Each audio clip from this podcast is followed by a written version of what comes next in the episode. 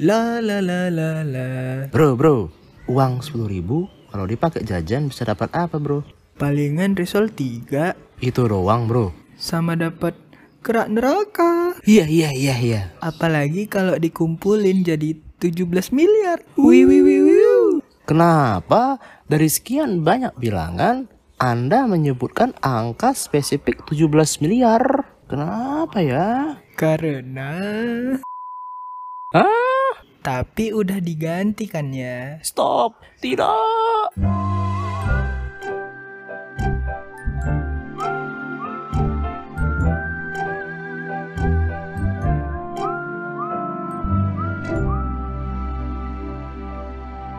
Ahoy Sewanians, ketemu lagi nih sama kita. Salah dong. Masih pertemuan pertama.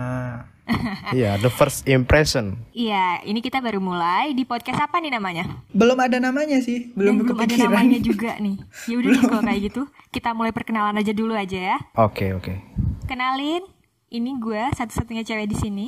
Nama gue Lula. Perkenalkan gua Randy. Woi, satu lagi woi. Oh, satu lagi. Oke, Halo, perkenalkan nama gue Regi. Biasa dipanggil Aduh nggak enak biasa ya kayaknya. dipanggil Cuy. Cuy, oh cuy, oke Ya. cuy. Oke, Kayaknya cuy. Lanjut, agak- cuy. Agak gimana gitu ya kalau pakai lo gue kayak agak-agak kaku. Kita pakai aku kamu aja deh ya biar lebih? Oke, kita Oke, lanjut. Skip. Jangan diperjelas yang itu, oke? Next. Nah, di podcast kali ini kita mau bahas apa nih? Coba. Nah, jadi untuk bahasan kali ini berangkat dari keresahan kita ya tentang eh, banyak mahasiswa STIS yang mengalami culture shock.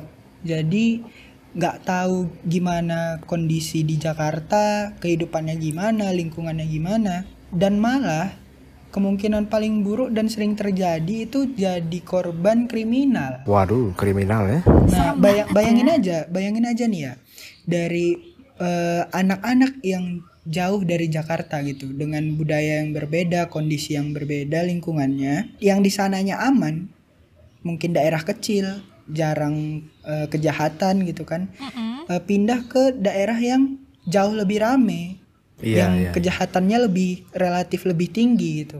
Pasti besar besar peluang mereka untuk mendapat perlakuan itu kan ya? Iya bener banget itu Rek. Eh, Ngomong-ngomong, aku sama Regi asalnya bukan dari Jakarta ya, dan bukan dari Pulau Jawa juga. Eh, aku dari Sumatera Utara, Regi dari dari mana Rek? Bangka Belitung, Pangkal Pinang. Nah Lula nih yang dekat dari Jakarta, iya nggak Lula? Ya, aku anak Bekasi. Mana? PGC ya? Nah, Bekasi. Ngawur aja ya. Di ini Bekasi yang yang beda planet itu bukan? Oh, itu itu galaksi. Aduh, maaf banget. Mirip ya? Tapi tapi baru Terus? kok masuk eh, anak Bekasinya sebelum-sebelumnya juga anak daerah. Kalian tahu nggak tentang peribahasa di mana bumi dipijak, di situ langit dijunjung? Kalian ngerasa nggak sih itu tuh relate banget sama eh, kehidupan anak-anak rantau yang udah mulai ngerantau ke Jakarta ini? Kayak kalian-kalian ini, kayak kita. Ya berasa sih. Jadi kayak pertama kali ke Jakarta nggak ada yang ngenalin langsung gitu dan nyari-nyari info sendiri itu yang bahaya sih sebenarnya. Bisa terjerumus ke yang enggak-enggak. Iya, itu mending ya kalau misalkan dia nyari info. Kalau nggak nyari info, malah buta sama sekali. Takutnya malah tambah tersesat nggak sih? Dan bisa jadi dimanfaatkan ya sama oknum-oknum yang nggak bertanggung jawab di Jakarta gitu kan. Iya, takutnya kayak gitu. Makanya kan kita bikin podcast ini untuk teman-teman semua. Kalau pengalaman teman-teman nih gimana sih tentang eh, pengalaman pertama merantau ke Nah. Jakarta? Kayaknya seru nih. Nah itu. Nah ini ini, Siapa ini dulu seru nih? nih, Siapa seru. dulu nih? Atau aku ya, aku ya. Gue, Oh, gue. iya. Oke. Aku lah. Ah. Ribet amat. Jadi eh, pertama kali aku ke Jakarta tuh kapan? 2016 kalau salah. 2016 atau 2017. Itu aku bimbel kan. Bimbel di eh, untuk SBMPTN gitu. Dan itu memang aku gimana ya kayak membawa kayak kayak seorang yang baru keluar kampung gitu kan. Jadi kayak memang agak katrok lah gitu. Dan di mana pada saat itu tuh aku ke kereta stasiun ya. Ke stas- stasiun apa ya? Senen atau apa. Itu kan karena sore hari tuh. Dan juga itu kondisinya ramai kan. Dan karena mungkin itu baru pertama aku lah gitu. Jadi aku tuh kayak pengen waduh ramai banget nih. Aku, aku keluarin lah HP ku kan. Aku fotoin sekitar-sekitar itu. Aku kirimlah ke orang tua aku bahwa menunjukkan bahwa gini loh itu situasi Jakarta pada sore hari khususnya di stasiun kan. Nah hour ya? Nah, ketika aku udah mau naik itu padat banget sumpah. Jadi aku paksain kan karena memang udah sore kan. Aku aku nggak tahu kan ya. Takut kemalaman sampai kosnya. Jadi aku paksain. Padahal itu posisinya HP-nya aku taruh di depan gitu. Dan ud- udah dalam sakunya gitu kan, dalam banget. Dan tapi nggak tahu kenapa tuh ketika aku megang saku kan ada yang nepis tangan aku. Ketika pas nepis udah aku rabak lagi kantong udah nggak ada lagi gitu. HP ku. Sumpah. Nah, itu sumpah dan itu menurutku memang dia memperhatikan gitu. Pada saat aku moto karena aku kan agak tinggi kan motonya kan. Mm-mm. karena rame itu kan aku moto agak posisi tinggi gitu. Mungkin saat itu mereka udah melihat dan kurasa itu bukan satu orang deh. Kayaknya bisa tiga orang atau empat orang dan itu memang kalau diukur ya kayaknya udah S3 serius. Udah S3 udah keren banget. Ya soalnya dalam hitungan detik kan dia nepis tangan terus ketika aku rabak lagi ke sakuku itu udah nggak ada lagi gitu. Aku lihat kanan kiri kanan kiri semuanya nggak tahu. Kayak kayak ya nggak terjadi apa-apa jadi menurutku itu memang pengalaman mahal ya pengalaman mahal kehilangan HP dan itu ya memang sialnya juga HP itu baru aku beli gitu kan Mahal sesuai harganya sih itu kalau itu. iya makanya itu memang pengalaman yang bodoh banget makanya setelah itu ya makanya aku mau sharing ke teman-teman kan jangan sampai pengalaman mahalku itu juga terjadi di kalian gitu maksudnya Intinya harus hati-hati ya. Mm. Aware sama Iya. barang sendiri. Kayaknya Hmm, juga gara-gara oke. eh, kelihatan gak sih kayak orang yang baru ke Jakarta mungkin kayak kamu maaf aja iya heeh, benar kayak kaget kelihatannya lihat-lihat ke kanan kiri kayak orang bingung jadinya mereka ini orang-orang jahat ngiranya kamu tuh sasaran yang empuk gitu iya nggak sih kayak gitu Iya, betul betul. eh. Jadi memang nampak ya. Bagi makanya kan ke teman-teman juga itu jangan terlalu banyak ngelamun, jangan terlalu banyak kayak kegirangan gitu kan melihat kondisi-kondisi ataupun mengeluarkan barang-barang yang berharga di tempat umum itu ya kayaknya dikurangi lah. Jadi lebih bisa kayak bersikap eh, santai aja gitu. Dan juga kalau bisa jangan sendirian itu salahnya aku sendirian waktu itu. Hmm. Oh, oh ini ya. sebelumnya ini kan kita udah ngobrolin pengalaman jelek aja nih di Jakarta kan. Buruk banget gitu kecopetan HP. Tapi kita kasih disclaimer nih ya untuk eh, para semanians pendengar podcast kita kalau intensi kita ini bukan untuk menjelekkan Jakarta, bukan itu ya. Dan Yap. bukan berarti tidak ada nilai kebaikan sama sekali di Jakarta karena ceritanya pertama udah langsung kecopetan atau apa gitu bukan tapi Iya. di sini hanya untuk mengencourage eh, wawasan kita bahwa ya inilah Jakarta. Eh, tidak eh, tidak berarti Jakarta itu hanya ada indah-indahnya saja atau buruk-buruknya saja. Betul, tapi nah. untuk mem- mengedukasi yang belum tahu bahwa Jakarta itu tidak sebaik ibu kandung ya. Gitu adalah Oke, kalau tadi Ya. itu kan versinya Bang Bang Bang Cuy, cuy. Bang ya bang cuy Soal eh, pertama kalinya ke Jakarta. Kalau Bang Randy nih gimana? Pengalamannya Oh, nih gimana, Bang? kalau bang Randy dia yang nyopet Aduh, nah situlah gini. Aku jadi kebayangkan setelah setelah dengar podcast ini bukan jadi korban, malah jadi pelaku, cuy. Nara jadi pelaku Udah- karena itu tahu bisa ya buka peluang ya. usaha gitu kan banget nih. iya Malah jadi tahu kiat-kiatnya. Enggak sih. Jadi eh, jadi kalau pengalaman aku pribadi ya di Jakarta ini nggak sampai kayak Regi yang apes ketipu gitu. Eh bukan ketipu, kemalingan. Pas pertama kali sholat Jumat gitu kan. Masjidnya itu masjid di Jalan Mangga. Nah, itu kan agak masuk-masuk gitu ya ke jalan kecil. Waktu itu aku tinggalnya di Jalan Saabun, Yang arah Jalan Saabun. itu kan ya? Iya, yang ke arah Jatinegara itu, pasar Jatinegara. Jadi ketika berangkat itu tahu jalan karena tinggal lurus aja di jalan Ot- Otista Raya itu. Pas pulangnya aku ngide, ngide pulang lewat ganggang. Kesasar bu, nggak bawa HP, nggak ada maps. Eh, di situ juga akhirnya aku mutusin untuk nanya warga warga sekitar gitu. Itu waktu itu nyasar sampai ke pasar ke mana gitu ke belakang, nggak ngerti sih jalannya itu. Sawo, eh Sawo, Sawo mah sana. Pasar bonsai. Sa sawo Bonsai, bom- bonsai. Berhasil sawo. Iya, bonsai kayaknya itu. Bonsai. Berkebalikan arah dong. Iya, makanya nggak ke jalan Iya, besar malah makin ke dalam. Dasar orangnya aja pelupa itu. Iya. Iya. Jangan-jangan sendal juga sendal jadi bagus ya. Wah. Habis ke masjid kan sendalnya bagus enggak ya? itu kau itu. Kan biasanya gitu sih, Pak. Eh, tinggalkan yang buruk, ambil yang baiknya ya udah. Iya betul. Kita Kita menjunjung tinggi itu. Nah, ngomong-ngomong nih soal kehidupan di ibu kota. Sebenarnya nih banyak banget loh teman kita yang jadi korban. Mau itu jambret, copet, hipnotis, bahkan pelecehan. Oh my god. Iya kan? Nggak nyangka banget kan? Makanya, kali ini kami udah ngehimpun beberapa cerita dari teman-teman yang bisa kita sampein sekarang. Ini kan cerita nyata ya, maksudnya sumbernya Berarti dari ini real ya? Teman-teman gitu kan. Nanti untuk eh, audiens, untuk semanian semua yang mungkin tahu siapa orang-orangnya, siapa korbannya, ya tolong diharapkan kedewasaannya ya, nggak usah dibahas di ko- kolom komentar. Ini siapa, ini siapa, nggak usah Ya, gitu. jadi kita lebih fokus ke kasusnya gitu ya, bukan ke korbannya. Ya, Oke. kita jadiin pelajaran, bukan bukan maksudnya untuk ngegibahin gitu ya. Jadi nggak usah dibahas siapa korbannya, dikasih tahu gitu, disebarin ya nggak usah. Nah, gitu ya teman-teman ya. Takutnya nanti kalau misalkan ada salah satu korban yang dengar dan dia ngerasa trauma kan nggak enak ya eh, ke korban Ya, yang betul. kasihan.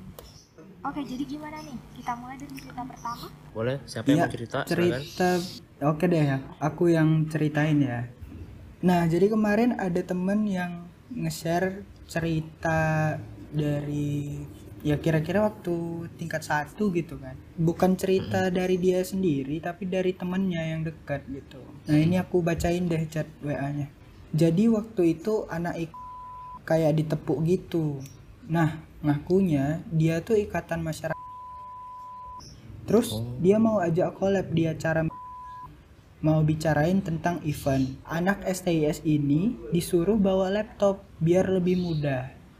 Rapatnya di mall pas di sana dia tuh dibilang gini, "Eh, bentar ya, saya susul teman saya dulu. Sekalian bawa laptop. Kamu tunggu sini aja."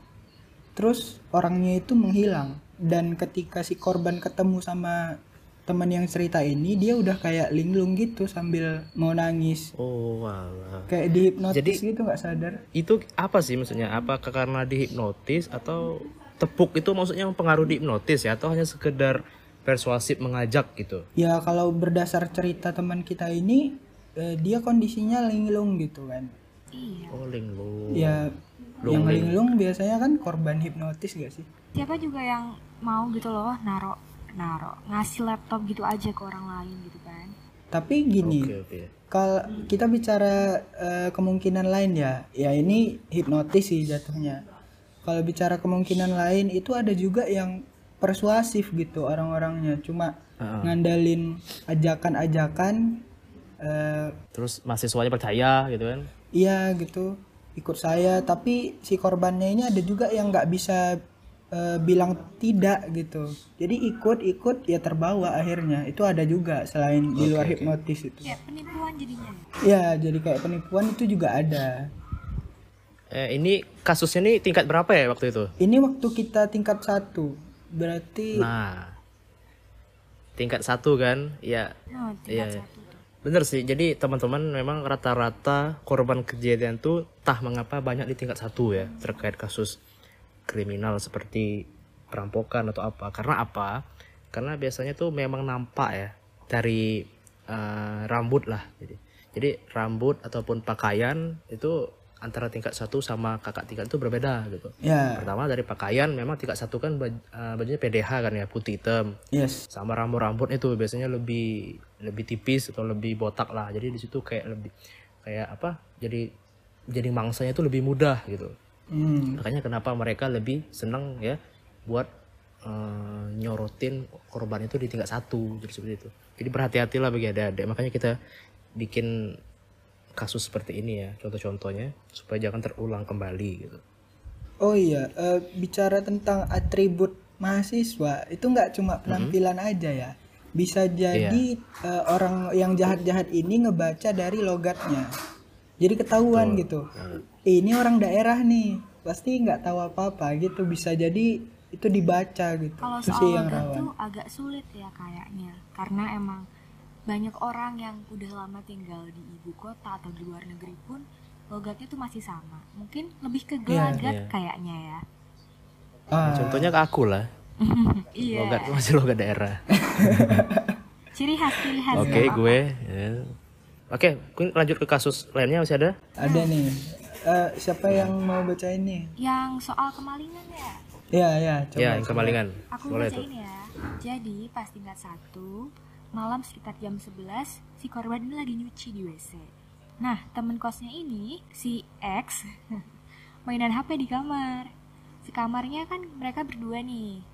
Eh, terus setelah dia selesai nyuci dia balik ke kamar dan main HP juga. Temannya masih ada di situ. Terus mereka nutup pintu tapi lupa kunci nih. Kunci pintunya nggak sengaja masih nempel di luar. Jadi kelihatan gitu kan dari luar. Akhirnya kalau itu Oh, laptop HP sama tasnya hilang. Ledor sini. Terus Bentar, maksudnya jadi kuncinya itu di luar pintu? Atau di mana? Kun- Atau di dalam? kuncinya di luar ruangan.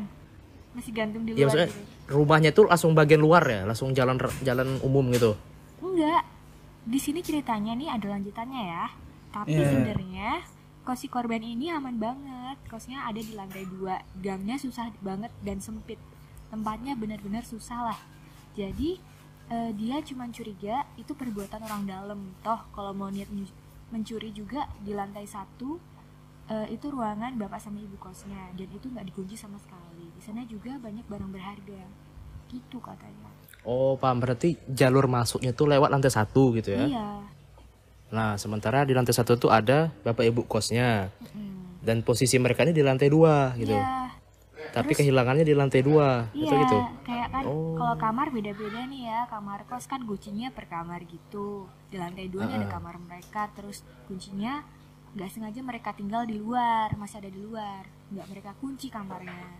Jadi pas mereka tidur, eh, mereka ada di kamar ini, tiba-tiba si malingnya masuk karena dia tahu di kamar ini nggak dikunci, mungkin orangnya lagi tidur dia ngintip dulu atau gimana kan kita nggak tahu, terus dia ambil barang-barangnya gitu. Oh, tapi ini kita kita baca dari chat teman kita ini, eh, dia ngerasa kosan dia itu aman banget gitu. Iya. Nah, Dari luar maksudnya amannya. iya maksudnya itu bisa jadi celah gitu. Dia jadi eh, cenderung Teledor ya. ya bisa dibilang teledor gitu kan. Tapi gini rek, kita bicarain eh, kebiasaan daerah lain lah. Misalkan kayak di Jogja kemarin pas kita PKL gitu kan. Itu di bagian aku di lokus aku tugas masyarakatnya itu masih nggak apa-apa ninggalin rumah dalam kondisi nggak terkunci. Nggak terkunci. Oh ya. Ya karena memang eh, di sana aman mungkin jarang ada orang luar, orangnya juga sedikit gitu. Jadi Iya, iya. ya nggak masalah kalau misalkan kayak gitu. Tapi kalau anda melakukan itu di Jakarta, lain Oke, cerita oke, dong ya.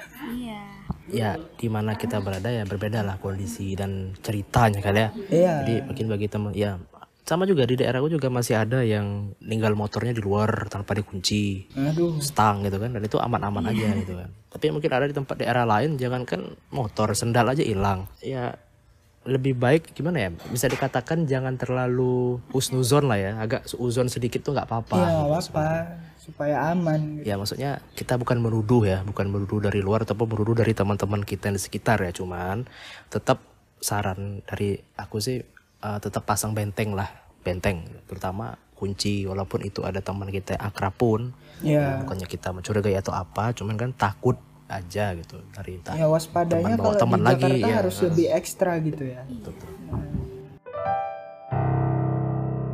Kalau tadi nih kita bicarain tentang kejahatan kayak maling, hipnotis dan yang lainnya. Sekarang kita masuk ke kejahatan yang sering banget, nggak banget sih, sering lah ya dibilangnya. sering terjadi di perempuan ya Iya, se- kok kamu tahu? Aku belum ngomong. ya kan aku baca juga Nah, iya. sering banget nimpa teman-teman perempuan.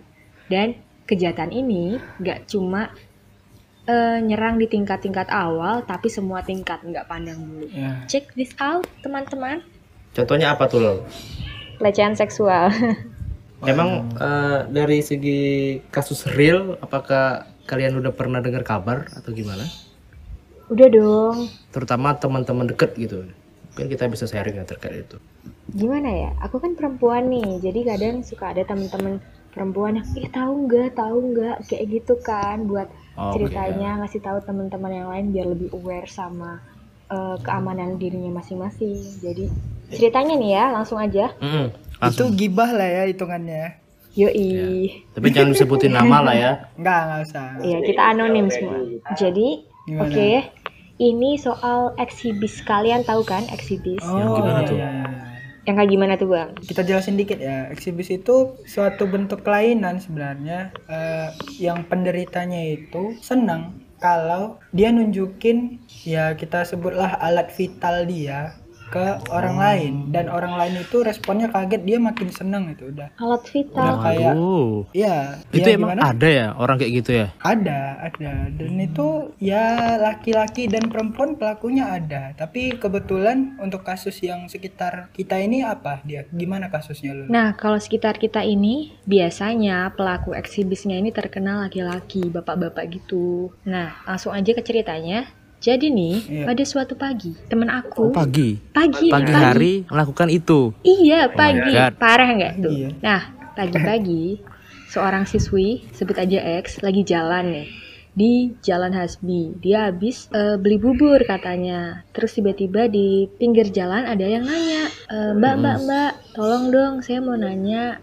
Iya, kenapa? Katanya gitu kan. Terus ada apa ya, Pak? Ada yang bisa saya bantu? Ini Mbak, saya mau nanya kalau di sini puskesmas sebelah mana ya? Karena dia bukan orang situ, dia bilang, Gak tahu pak, saya bukan orang sini. Eh, coba bapak tanya orang eh, yang lainnya mungkin mbak-mbak di depan tahu kayak gitu kan, ngarahin untuk tanya orang lain. iya, iya. Tapi gimana ya mbak? Kata bapaknya tuh, ini saya sakit. Pas dia bilang ini, Ini. bapak itu langsung ngebuka celananya gitu, nunjukin aduh Oh, ininya tadi. Iya ininya Astaga. tadi itu. Jadi kan secara nggak langsung eh, si mahasiswi ini langsung lihat ke arah yang eh, bapaknya tunjukin kan. Jadi kayak shock Mm-mm, gitu mm. loh.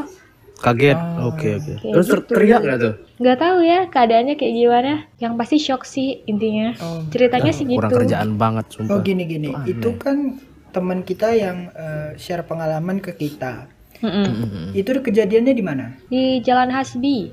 Yang mau ke Hasbi itu Oke. loh. Namanya apa sih? Nah, yang deket Jalan kali, Hasbi. deket kali. eh jalan Asmi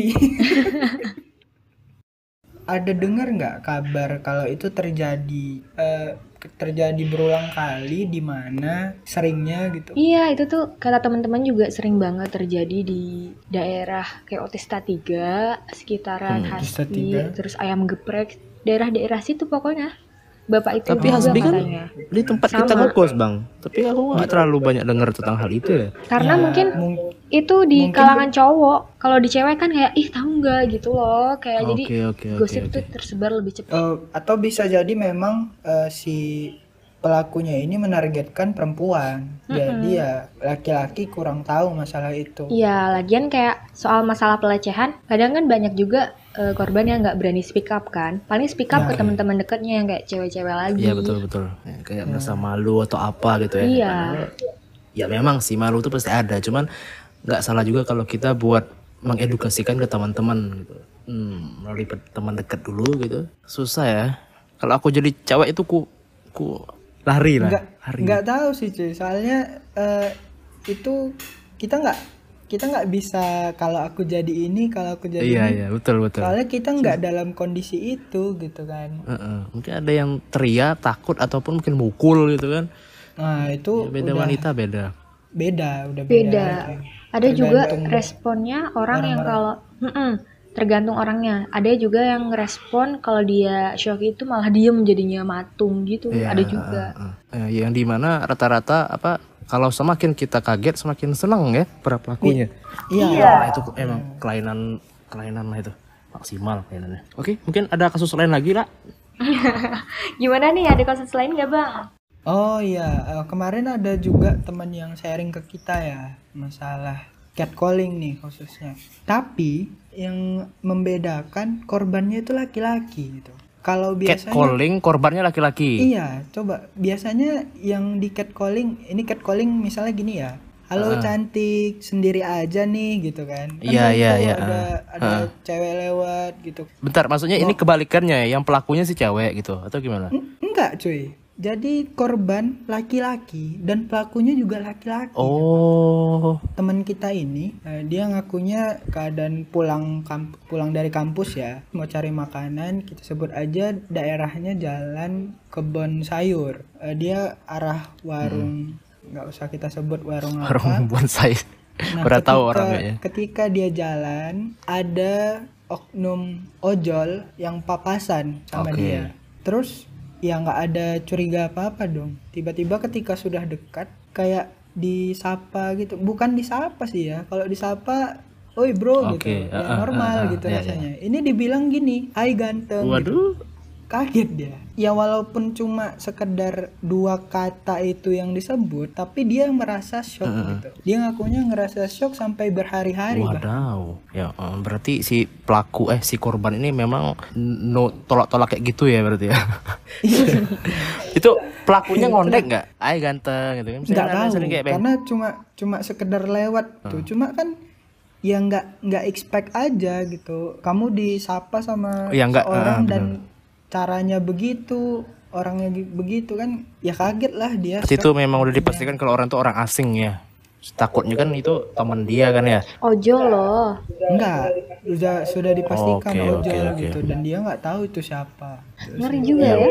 Tuh jadi korban itu nggak datang dari perempuan aja ternyata, laki-laki juga dan dan nggak harus dari sentuhan Oke, ya. Verbal itu juga Jadi bisa kayak kayak menyakiti merinding-merinding secara- sedap gitu kan dibilang hai ganteng Sedap gitu buat kan. siapa? Di satu sisi mungkin kita jadi senang gitu kan oh saya ganteng gitu kan di satu sisi kayak aduh ini apa ini kan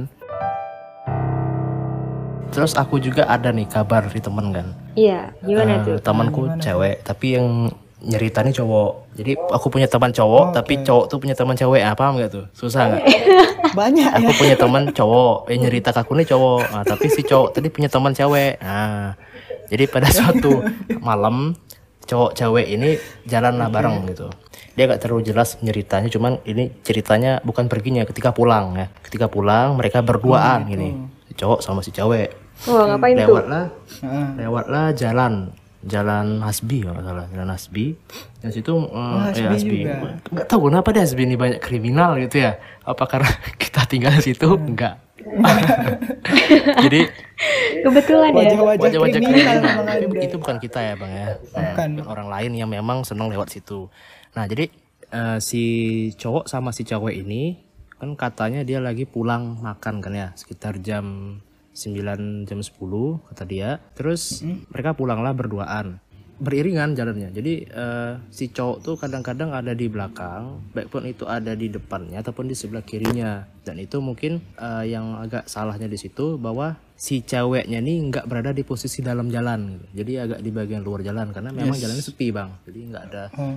ah, misalnya bukan di jalan raya gitu kan. Nah kebetulan itu si cowoknya dia bilang ke aku dia posisinya lagi di belakang si cewek si ceweknya ada di depan dan di situ memang ada satu motor lewat ya satu motor lewat pakai helm pakai motor matic dan eh, pakai jaket lah tapi nggak jelasin di situ dia pakai jaket apa tapi pakai jaket kata si doi ini si cowok ini Nah, datanglah si cowok yang bermotor tadi kan. Jadi kan posisinya cewek di depan, cowok di belakang ya, sama-sama di pinggir jalan. Datanglah si cowok naik motor tadi, om-om eh, langsung ngegas dan di situ kayak megang gitu, kayak menyentuh si cewek. Nah, cuman Oh. eh, respon si cewek ini dia nggak teriak, dia nggak teriak, dia nggak mukul. Jadi dia kayak semacam shock dan dia diem. Nah, sementara si tem Oh, menurut menurut cerita temen temen kamu ini dia shock atau Iya. karena apa jadi, So, jadi- diem gitu coba eh, si cowoknya ini pun kayak bingung kan kayak bingung kan loh kenapa gitu kan jadi nggak ada semacam ah teriak atau apa apa hanya diam ya udah si bapak itu lewat aja sambil agak ngebut sedikit gitu. Terus ditanya lah si cowok ini kenapa? Gitu. Nah cewek ini nangis bang. Nangis ke cowok Oh, tadi. gitu. bingung juga kan ini kenapa nangis kan? Terus baru diceritakan di situ bahwa dia itu nggak kenal sama si bapak-bapak yang lewat tadi. Yang mana bapak tadi eh, kayak semacam menepis bagian eh, dada lah. Dan itu baru si cowoknya sadar gitu kan. Ternyata bapak tadi sudah melakukan tindakan kotor lah gitu kan. Nah, tapi di situ nggak ada kayak Ah, refleks iya. semacam apa karena memang kondisinya cowoknya di belakang dan si cewek pun di depan itu kejadiannya cepet banget karena bapaknya ngebut gitu kan. Cuman memang saat itu si ceweknya langsung kayak terdiam nangis dan tidak sempat kata-kata apa pun keluar dari mulutnya gitu. Jadi yang bisa diambil mungkin dari situ bahwa kejadian seperti itu juga tidak memandang eh, sendiri bang jadi dia sama teman juga masih ada kejadian seperti itu. iya, Oleh karena itu mungkin ya gimana ya maksudku ya Eh, lebih diperhatikan lagi mungkin untuk teman-teman juga yang mendengar podcast ini ya kalau bisa memang baik pun itu jalannya sepi ataupun rame tetap pertama memang harus jangan sendiri ya. Yang kedua kalaupun mengajak teman itu yang benar-benar posisinya dijaga itu kalau bisa si cewek itu agak masuk ke dalam jalan si cowoknya di luar Nah, gitu. iya. Oke. Ceweknya agak masuk ke dalam jalan dikubur ya. bukan masuk ke dalam jalan tapi cewek gitu itu dong agak di sisi belakang Lula. jalan Nggak nah si cowoknya agak di luar nah kalau mungkin ya mungkin ya kena soalnya mungkin cowoknya nanti yang dipegang ini nggak apa-apa Cowok- Loh, nggak boleh dong, nggak boleh. mungkin kita dari sisi itu ya maksudnya kita tadi bahas dari sisi korban ya coba kalau kita tanya ke pelakunya gimana bang nggak ada nggak ada Aduh, aduh. Oke. Kalian pasti sering dong dengar berita-berita di TV kalau Jakarta itu pasti aja kadang sering banjir. Iya nggak sih? Heeh, Iya ya benar. ya ya Kita sempat ngalamin kemarin ya. itu itu kayak Waktu nggak ada habis-habisnya sih kalau di Jakarta Iya. ya Iya, kayak akhir-akhir tahun ini apalagi kan, setelah biasanya eh, banjirnya jarang, terus tiba-tiba pas hujan gede tahun eh, awal tahun ini kayak kalau kita lihat nih tagar Twitter awal tahun kemarin, awal tahun ini maksudnya 2020, Heeh. Iya. rame banget banjir di Ja- Jabodetabek. terlalu sering dan selalu berulang kayaknya tiap tahun itu Iya. kayak makanan sehari, makanan rutin Iya. gitu ya Waktu itu waktu aku masih di Saabun itu sempat ngalamin juga tuh. Jadi bagian Itu basement tingkat- bawah tuh tingkat satu ya atau dua? kita tingkat Lupa. satu ya, ya, ya. Tingkat satu? kita satu kos cuy kita satu kos Oh iya ya aku sama Rian itu satu kos terus nggak tahu. Dan di Iya. mana kami kos di situ ada bencana itu kan kayak banjir, Hmm. kriminal, itu kenapa? Jauh-jauh ngekos dari mereka nih ya. Jadi sempat itu waktu itu sampai mata ka- bukan mata kaki ya, sampai lutut lah bagian basement. Ya. Tapi nggak terlalu lama ya bang ya. setengah hari lah udah Iya, iya. turun lagi airnya Dan kebetulan ketika kami pindah di Hasbi, alhamdulillah nggak pernah lagi banjir karena memang nggak tinggi pernah ya. Iya, daerahnya tinggi ya. kalau dari Lula sendiri pernah nggak ngalamin kebanjiran di Jakarta mungkin Dari Selama aku nih ya. gitu. Kalau ngekos sih alhamdulillah belum pernah ya, soalnya kosku tinggi semua daerahnya. Eh paling nggak ada palingnya sih nggak pernah kebanjiran sama sekali. Cuman kalau rumah iya oh rumah sering di mana Bekasi di kan Bekasi ya. Bekasi Kemarin banjir selutut. Oh, Bekasi memang sering banjir ya? Kadang sih kadang. Kalau kemarin katanya gara-gara bendungannya ini eh, ambrol. Tumpe, Udahlah tumpe. jangan bahas rumah aku, kita kan mau bahas tentang area kampus. oke oke oke Katanya Oke, elit. eh, Awas kamu, aku Banjir. tendang ke galaksi lain. mengenai banjir di sekitar kampus daerah mana kira-kira yang sering kena banjir gitu Belakang kampus, ya Belakang daerah bawah kampus dekat berarti kebun Iya, sayur yang dekat sama sungai itu kan ya? Mm-mm, dekat Oh, Ciliwung. oke Ciliwung oke Sama daerah Setelah ini nih, itu? tahu nggak sih yang Bonasel apa Bonasut sih yang habis sungai ke sananya lagi? oh Iya, iya, iya. Banjir Itu yang gitu. sepanjang geprek ujang tuh juga banjir tuh kemarin tuh. Iya, Yang portal itu oh sampai iya sih kalau kan? malam tuh kalau lagi hujan deras banjirnya bisa se ini nih selutut. Iya yang yang geprek ujang banjir itu aku juga Iya. kaget sih pas pagi itu eh, mau nyari sarapan kan Heeh. di kosan aku aman di jalan Hasbi aman gitu kan nggak ada apa-apa gitu pas Kosan aku cari juga aman. sarapan ya kita satu kos cuy satu kos lagi satu kos Kos lagi aku juga aman. Di satu kos gitu. Untung kita gak kamar ya. Enggak, enggak cuy, enggak, enggak.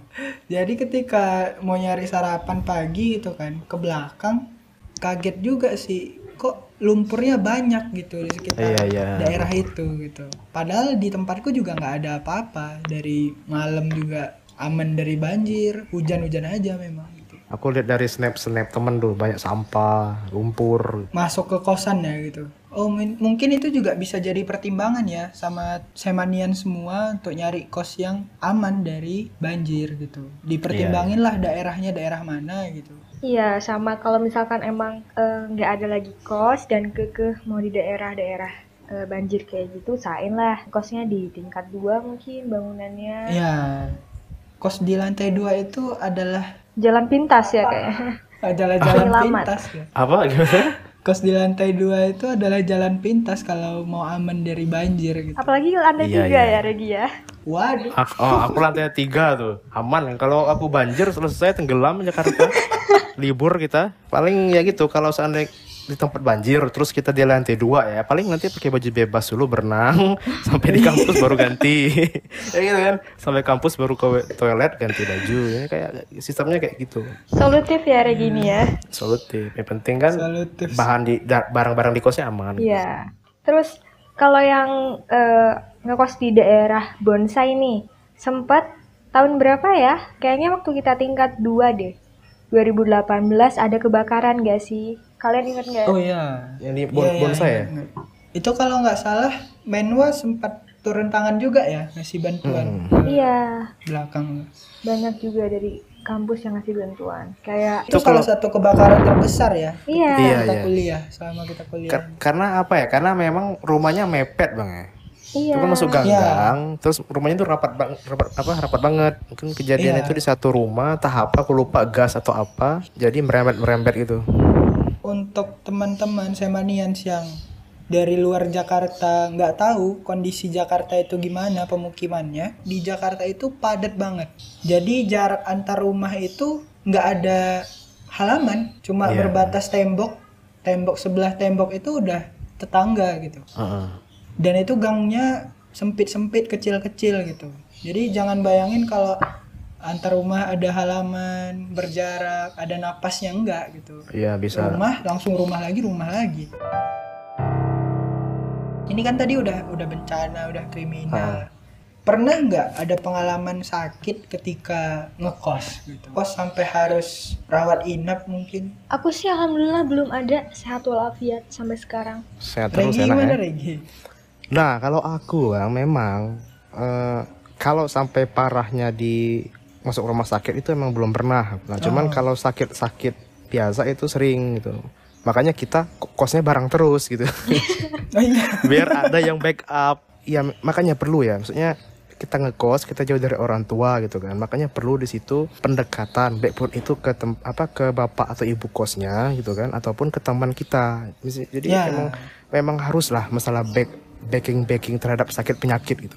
Karena kita nggak Iya, bisa kayak aku kemarin tuh aku minta tolong si Randy karena memang badanku udah lemes banget gitu. Jadi udah habis tenaga jadi aku minta tolong sama dia untung dia lagi free kan nemenin aku ke klinik gitu. Untuk berobat segala macam dan alhamdulillah ya sembuh. Makanya jadi hanya sebatas itu sih bang kalau aku sakitnya. Tapi belum pernah ke memang yang kerawat di opname segala macam itu belum gitu. Itu ya kuncinya di situ. Kita harus punya paling enggak satu atau dua orang yang bisa kita percaya ketika kita sakit gitu. Iya. Karena gimana bang ya, selama kita kuliah 4 tahun tuh mungkin kita sehat terus, ya? Pasti Iya. ada suatu saat kendala kita tuh drop. Iya, apalagi kalau aktivitasnya ini kan padat banget. Iya. Eh, belum makanya ambisnya. Janganlah jadi orang yang nolep lah gitu. Maksudnya uh, individu banget terhadap teman-teman kos itu juga perlu untuk melakukan pendekatan lah sama-sama teman kos, ibu kosnya gitu. Iya. Takutnya nanti diam-diam Iya. sudah tidak Jadi keras. jadi roti kering.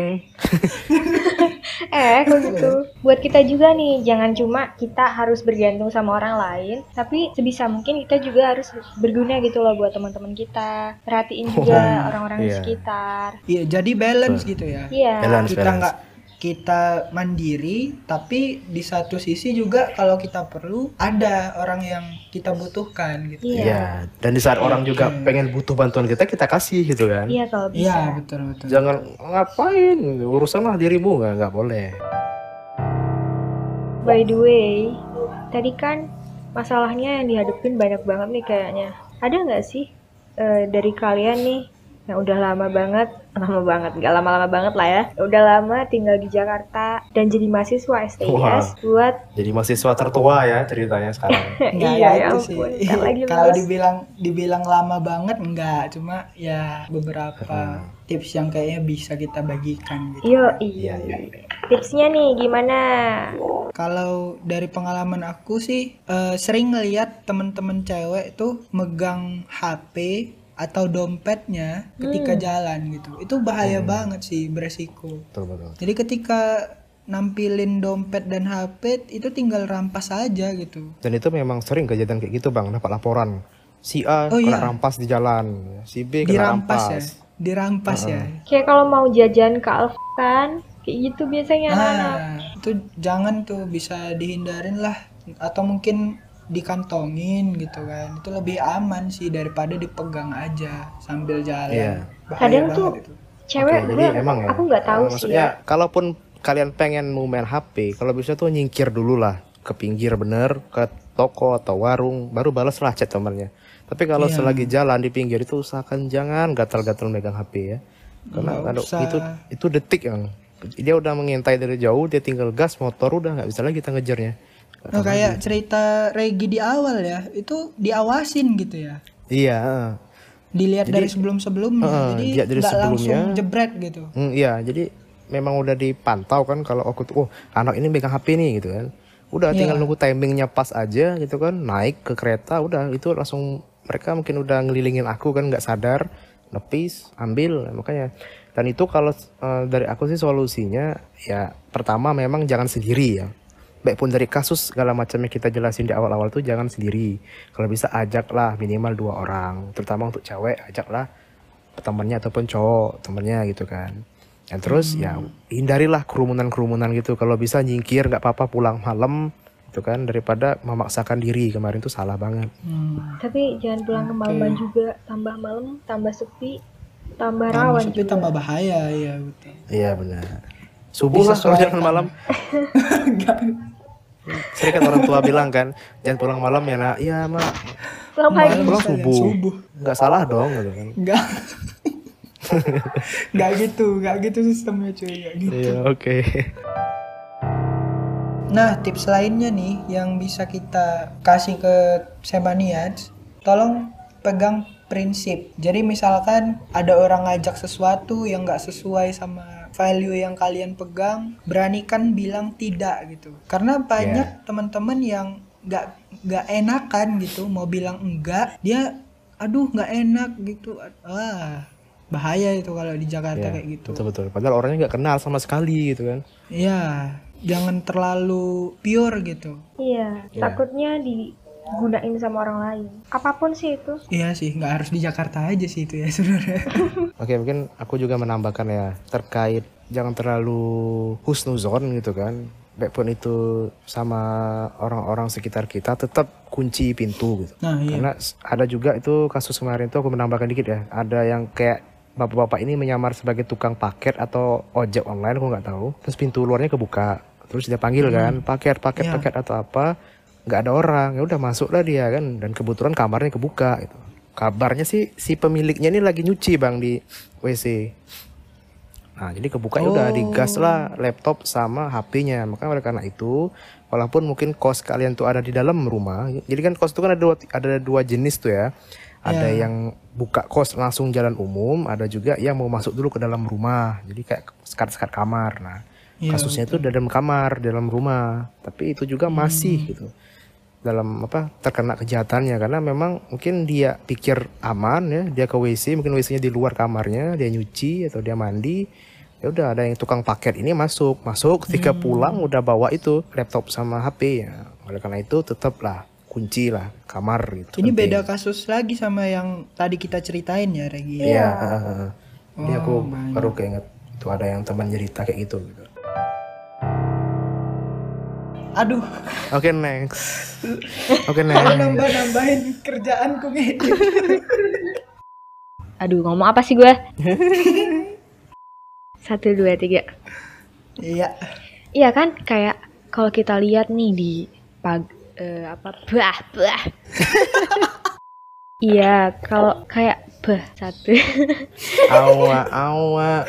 Oke, oke, oke. Bismillahirrahmanirrahim. Satu, dua, tiga. Oh my god itu. Oh my wa sinderu. Oh my god. Banyak nih teman-teman kita yang jadi korban dari jombret, jombret. Kok Oh jambret. Jombret. Jambret. copet? Itu gabungan antara copet dan jambret, jombret. Udah udah. Di Jalan Otitas Osti Jalan Otitas Osti Ot- Otista Raya itu Mi.